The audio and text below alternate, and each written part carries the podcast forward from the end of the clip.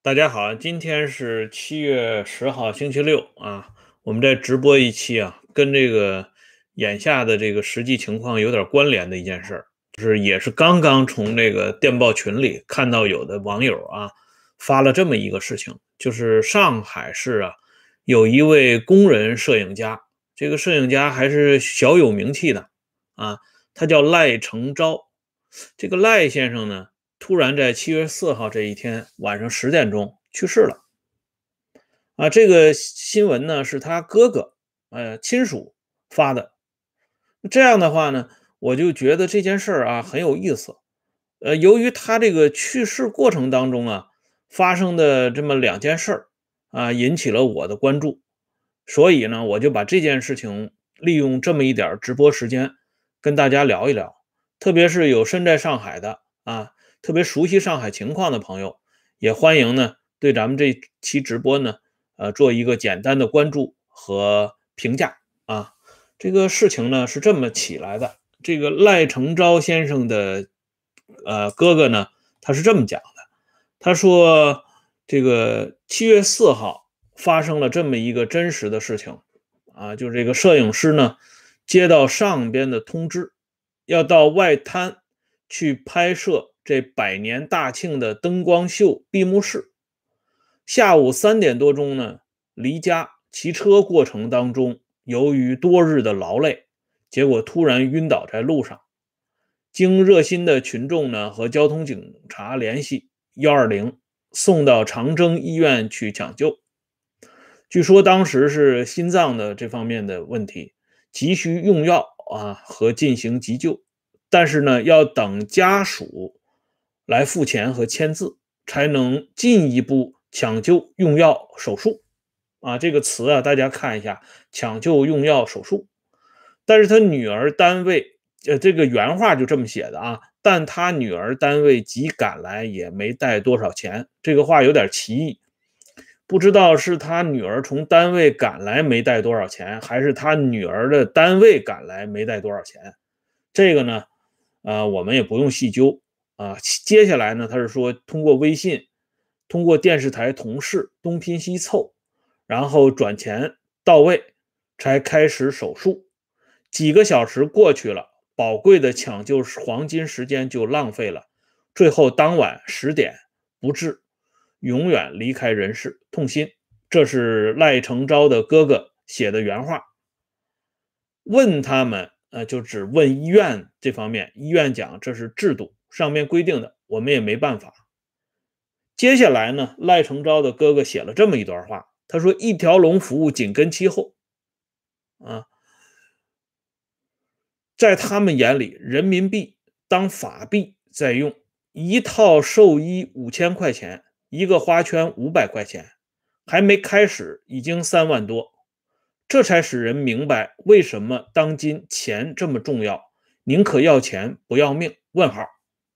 最后结尾处呢，啊是这么说的：这就是在我身上发生的真实事儿，这也正是我亲弟弟中国摄影家协会赖成昭啊，就这么一个简短的信息，我给大家呢原文念了一下。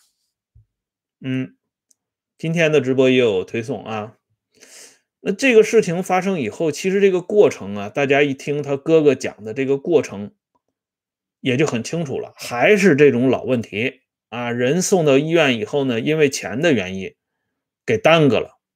那这件事儿呢，我还专门请教了一位啊上海的本地的朋友，他是比较熟悉上海的啊一些情况的。他呢刚才跟我简单的聊了一下，他说上海市啊，他有这么一个情况，就是上海市呢，他是对于上海医保有上海医保的和没有上海医保的，它有两种处理模式啊。因为到医院首先就可以出示他这个医保卡，而这个赖成昭先生呢，应该是上海本地人，哎，所以他肯定是有上海医保的。而且这位上海的朋友呢，他也说，他说类似这种情况啊，如果仅仅是急救的话，啊，哪怕是你钱不够。上海这些医院呢，啊，他也会进行抢救的。这是一条。但是另外一条，他也说了，如果遇到手术，就是要开刀的话，这个一定要等钱到位，啊，医院方面才能按照程序走。如果钱不到位，人家是绝对不会啊，先给开刀，先动手术，然后再算账的。所以，由于这个上海的朋友提供的这么两条旁证，我们再结合赖成昭先生的哥哥他的亲属写的这条信息，里边有这么一句话啊，实际上也是印证了咱们这位朋友的解述啊解说。他说这个要等家属来付钱和签字，才能进一步抢救用药手术，也提到手术了。那看来呢，最终这个钱的问题还是跟这个手术有直接关系。总之呢，这个赖先生由于啊这个时间的上边的这个推移吧，没有得到及时的救助，啊，这个人呢就去世了。后来呢，我还搜了一下这个互联网啊，因为这个人呢对我们来讲非常陌生。不知道这个人是干嘛的，就知道他是这个照相的啊，摄影的。后来我上这个互联网搜一下，才发现这个赖先生啊，其实还真的啊小有名气，在上海摄影界呢，也是一位老同志了啊。这个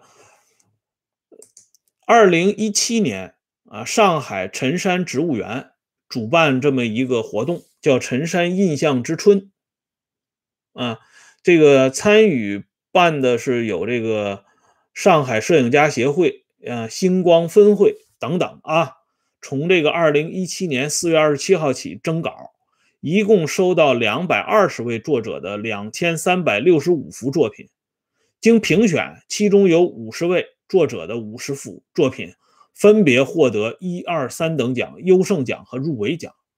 而这个优胜奖获得者呢，就有赖成昭先生的《春满陈山》，这个大家通过互联网上啊就能够看一下，这个新闻还是到今天还是有的。另外一方面呢，就是呃，二零一三年这个五月十号，有个中国摄影家协会有一个发布，它是二零一二年下半年新会员审批工作结束啊，这个。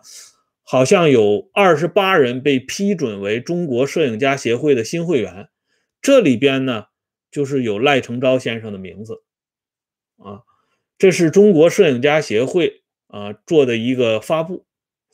那么非常有意思的事情啊，就是刚才我刚刚说的这个协会发布，二十八人被批准为中国摄影家协会新会员，来自于上海摄影圈新浪网这个新浪博客上。有的这么一条消息，可是你点击这个链接，你点不开。还有一还有两个链接也点不开啊！我给大家分别念一下，一个呢是二零零一年度上海市工人艺术家名单简介，来自于上海市总工会。这个网站呢？呃，现在点赖成昭的简介这块也点不开了，你只能通过这个网站呢，这个网页啊留出来的这几个提示的重点词，了解一点赖成昭先生的公开情况。这二零零一年度他这个简介写的是赖成昭，男，五十二岁，上海港复兴船务公司职工，上海市摄影家协会会员，上海港摄影协会会长。摄影作品曾荣获香港回归沪港风情摄影比赛一等奖啊，后边呢他就看不到了。但是这个事儿呢，你要点击这个网页，这网页你就说啥也看不到。那么再看一个网页啊，就是沉痛悼念赖成昭先生，老航模联谊区。啊，我爱模型玩家啊，有这么一个网页，这个网页上面的提提示呢，也是说赖成昭先生也是摄影家协会会员，摄影家，七月四号下午去人民广场踩点儿，设计晚上拍摄百年灯光秀的方案，但不幸倒下，是民警发现送到长征医院，后边的也看不到了。总之呢，这个网页也没了。呃，你点开呢就写无法访问此网站啊，哎，点击多次还是打不开。总之呢，结合公开的消息，我们看到赖成昭的哥哥啊，这个署名赖成昭哥哥发的这个信息里边有关赖成昭的简介基本属实啊，包括他出事的这个经过也基本属实。只是为什么不知道啊？这两个网页它就忽然打不开了。这个情况呢，恐怕要大家私下里啊，通过各种各样的渠道去了解一下。我们这些身在海外的，当然就不清楚了。那么通过这件事呢，我们再一次啊，看到了这种小人物在大时代的无力感啊。其实说白了，大家都是小人物啊，很多人都是小人物。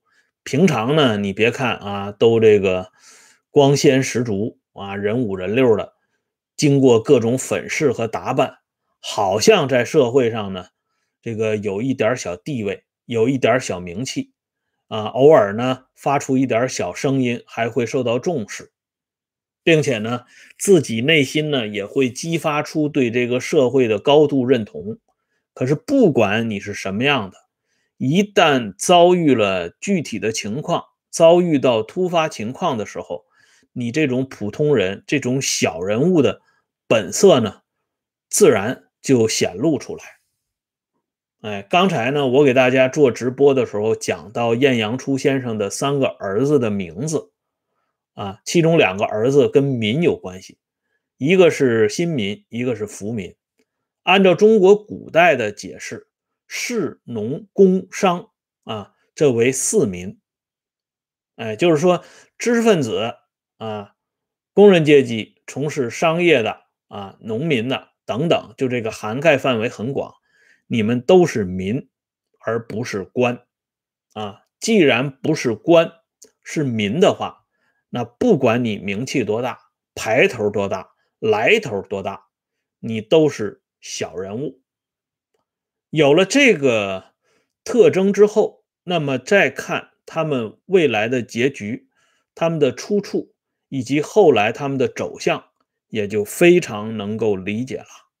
由于你是民啊，那么你的结局实际上在一开始就已经注定了。只是有的人呢，比较偶然，像老葛这样的，突然之间就登堂入室了，但是他民的本色并没有因此而改变。这里呢。这个我们可以借用一下钱钟书先生的那个话啊，那个在《围城》的小说里边的那段话啊。这个原话呢，我给大家说一下啊。他说：“想做官的人就像猴子，向上爬的时候就露出了自己的红屁股啊。”这个话是很有意思的啊。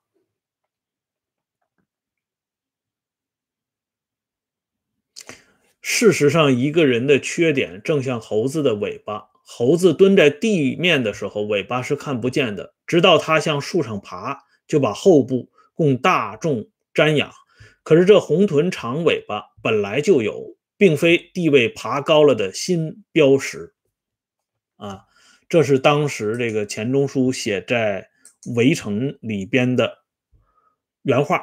给大家读一下，那么结合啊最近发生的一系列光怪陆离的事情，大家呢恐怕也会有一点更深刻的认识。